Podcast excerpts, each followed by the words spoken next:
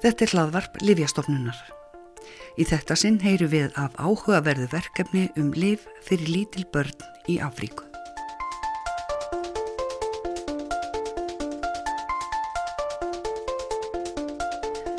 Það var þegar ég fór í nóvember síðastlunum til að taka viðtal við Sveinbjörn Gissurason, professor í Livjafræði, um líftæknilivs hliðstæður að ég fekk óvænt í bónus sögu sem tengist allt öðru. Þetta gerðist þannig að við Sveinbjörn spjöldluðum aðeins áður en viðtalið hófst svona meðan ég var að setja saman græjurnar og ég spurði sí svona um viðfangsefnas um þær mundir og þá kom saga um verkefni í Malawi. Hún var mjög svo áhugaverð þannig að áður en við byrjuðum viðtalið um lífteknilifsliðstæðurnar spurði ég Sveinbjörn hvort hann væri til í að ég hljóðritaði líka Malawi söguna. Hann var til í það. Malavísagan tengist livjum fyrir börn og það leiðir hugana verkefni sem livjastofnun tekur þátt í og fjallar um samvinnu Norðurlandana um að bæta aðgengjaða livjum fyrir börn. Nordisk barn heitir þetta samvinnuverkefni og það verður nána sagt frá því síðar. En það er sem sagt þannig að frambóð livja fyrir börn mætti oft vera betra og á því eru ymsar skýringar meðal annars svo að börn þurfa hlutfarslega mun sjaldnar á lifjum að halda en fullornir þar sem með árunum þróa fólk gerðnan með sér ymsa sjúkdóma sem sjaldnar herja á börn. Og því eru færri fyrirtæki sem framlega liv sérstaklega fyrir þennan tiltölega fámenna hóp. Önnur ástæða er eiginlega veigameri því það þykir ekki siðferðilega rétt að börn taki þátt í klíniskum rannsóknum sem jafnan eru fórsenda þess að lif komist að markað. En þegar áþarf að halda er slíkt metið sérstaklega.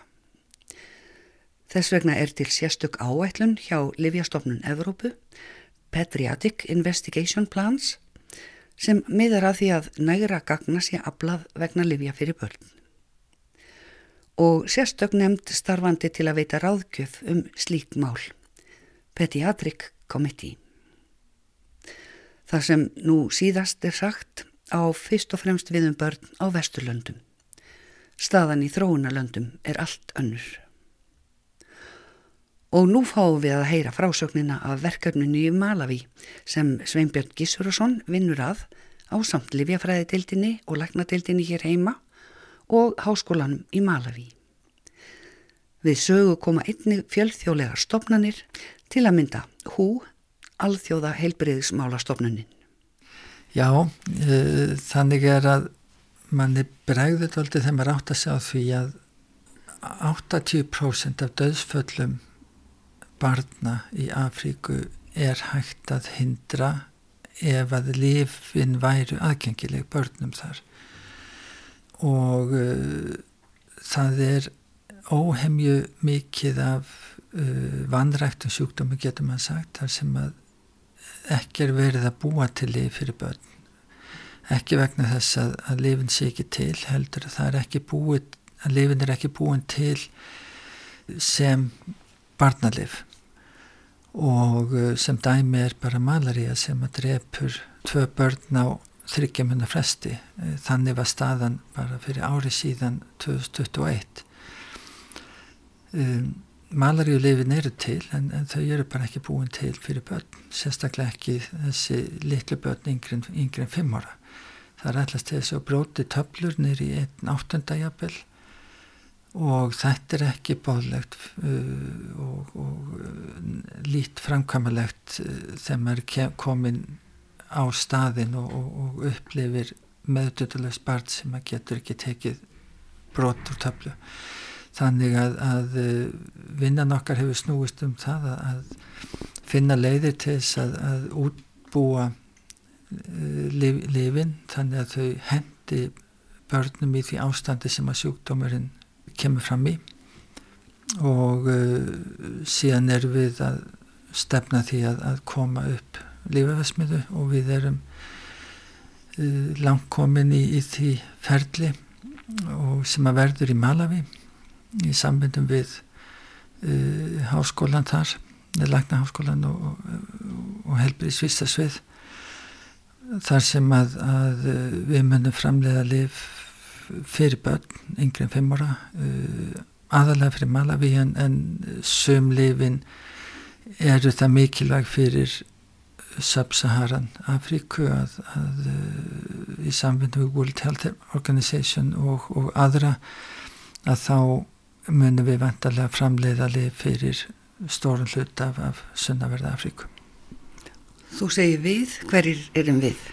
Um, ég uh, fór í gang með þetta 2016 og það búið að vera langur ferill að undirbúa þetta og uh, vinna þessu en síðan hafa aðrir hægt rálega komið inn í þetta og nú síðast þá gerðu við svona samstarfsamning við uh, helbrísvístasvið háskólans í, í Malawi um að við myndum saman byggja þetta upp því að COVID hefur sínt Afrikubúum að það er ekki hægt að treysta því að fá endalust liv gefins frá frá hinnum á þessum. Meira að segja vökvar í æð sem eru nota við einfaldra aðgerðir að það var ekki fáanlegt í, í COVID.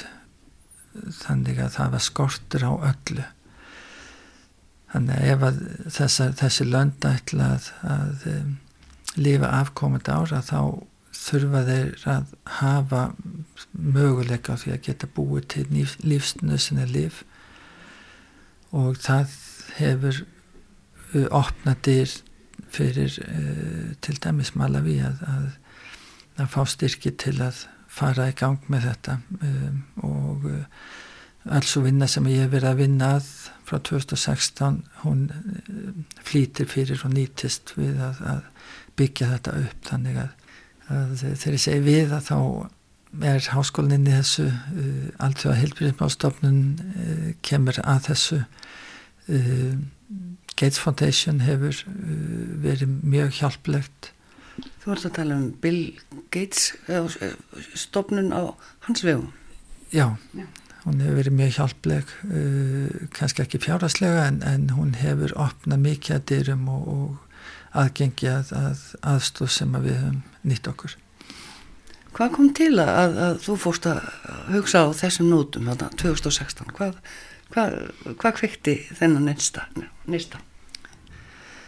Um,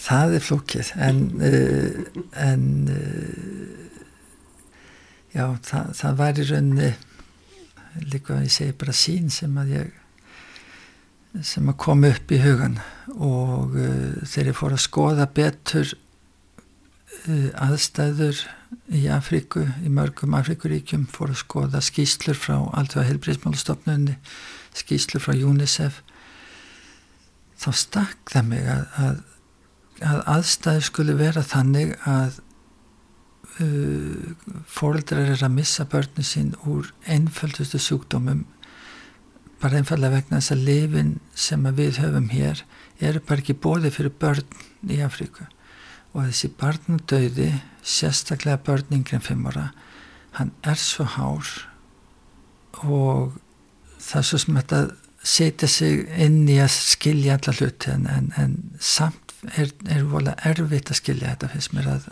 það skul ekki vera neitt í bóði mm. um, börnin er ekki uh, stór marka fyrir stóru fyrirtæki þannig að það gefur ekki mikið í aðra höndin að, að búa til líf fyrir börn því að fóröldrarnir hafa heldur ekki mikið fjármagn þannig að út frá svona uh, viðskiptalegu uh, sjónamið þá er þetta nú ekki flott verkefni Á það við bara um líf fyrir börn svona almennt í heiminum eða kannski sérstaklega þarna í fátökum ríkjum Afríku þetta á við um börn almennt að miklu leiti mm. uh, og þá kemur það mjög sterklega fram uh, kakvart börnum í Afríku.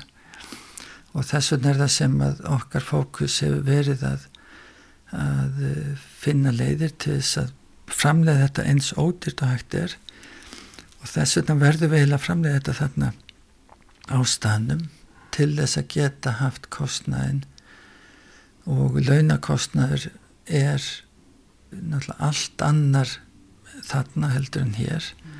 Sem að gera verkum að við getum gert þetta mun ódýrar og þá nær því að vera viðræðanlegt í, í þessum löndum heldur en hérna. En þú talaður um, um töflurnar sem að gagnast fullornum til dæmis í malaríunni. Eh, á hvaða formi er malaríulif fyrir börn sem að þið eh, stefnið á að framlega?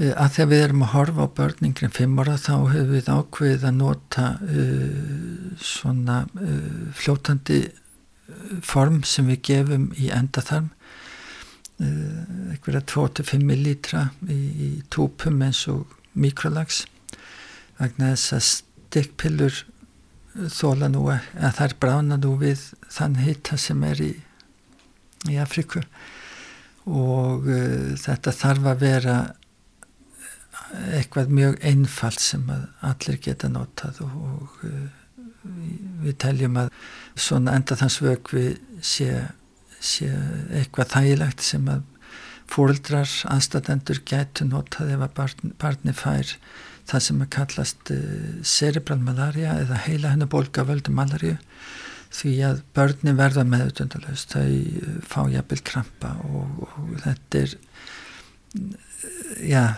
þau börn sem að fá þetta forma malaríu það eru 80% líkur á því að þau muni degja nema þau fái liv eins fljótt og hægt er Hvað er þetta verkefni langt komið? Er, er, er uh, versmiðan komin í gang?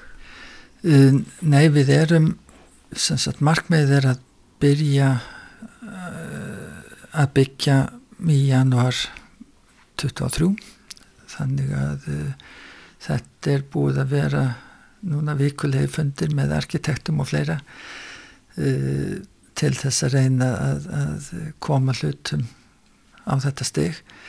Um, varðandi lífjaformið að þá er eru við að skoða það að, að framkvæma klíniska prófanir í, á sama tíma byrju næsta árs. Og um, alltaf heilbriðmáðstofnunin hefur uh, tilkynnt okkur það að, að þeir vilja ekki sjá nema eina klíniska prófun á þeim fórsendum að börninar deyja, við þurfum á þess að halda. Þeir þekkja lifin og þeir eru sáttir við lifja formið við þurfum bara að sína fram á hversu mikið magna lifi kemst út í blóðið uh, með því sem við þurfum verið að þróa. Uh, og þá vil ég er fá þetta bara á markað eins og skott því að börnin hafa ekki tíma til þess að býða Þannig að, að hvena gæti þetta verið komið á, á fullt?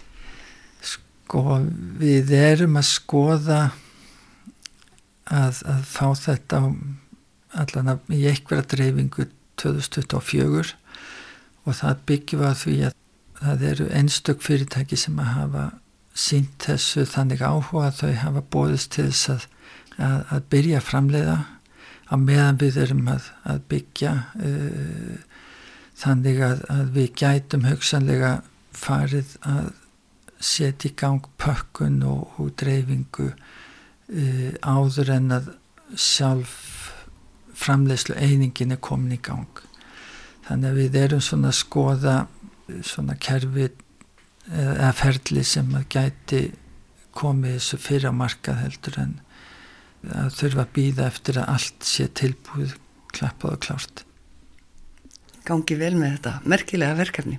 Sveinbjörn Gísurarsson, takk kærlega fyrir spjallið. Takk sem leiðis.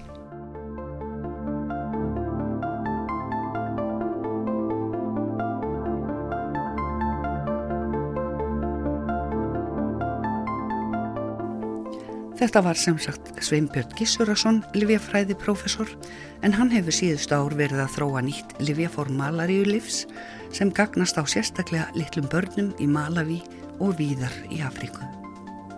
Og hann vinnur einnig að því á samt malöfum og fleirum að koma á fót livjaversmiðu þar suðu frá.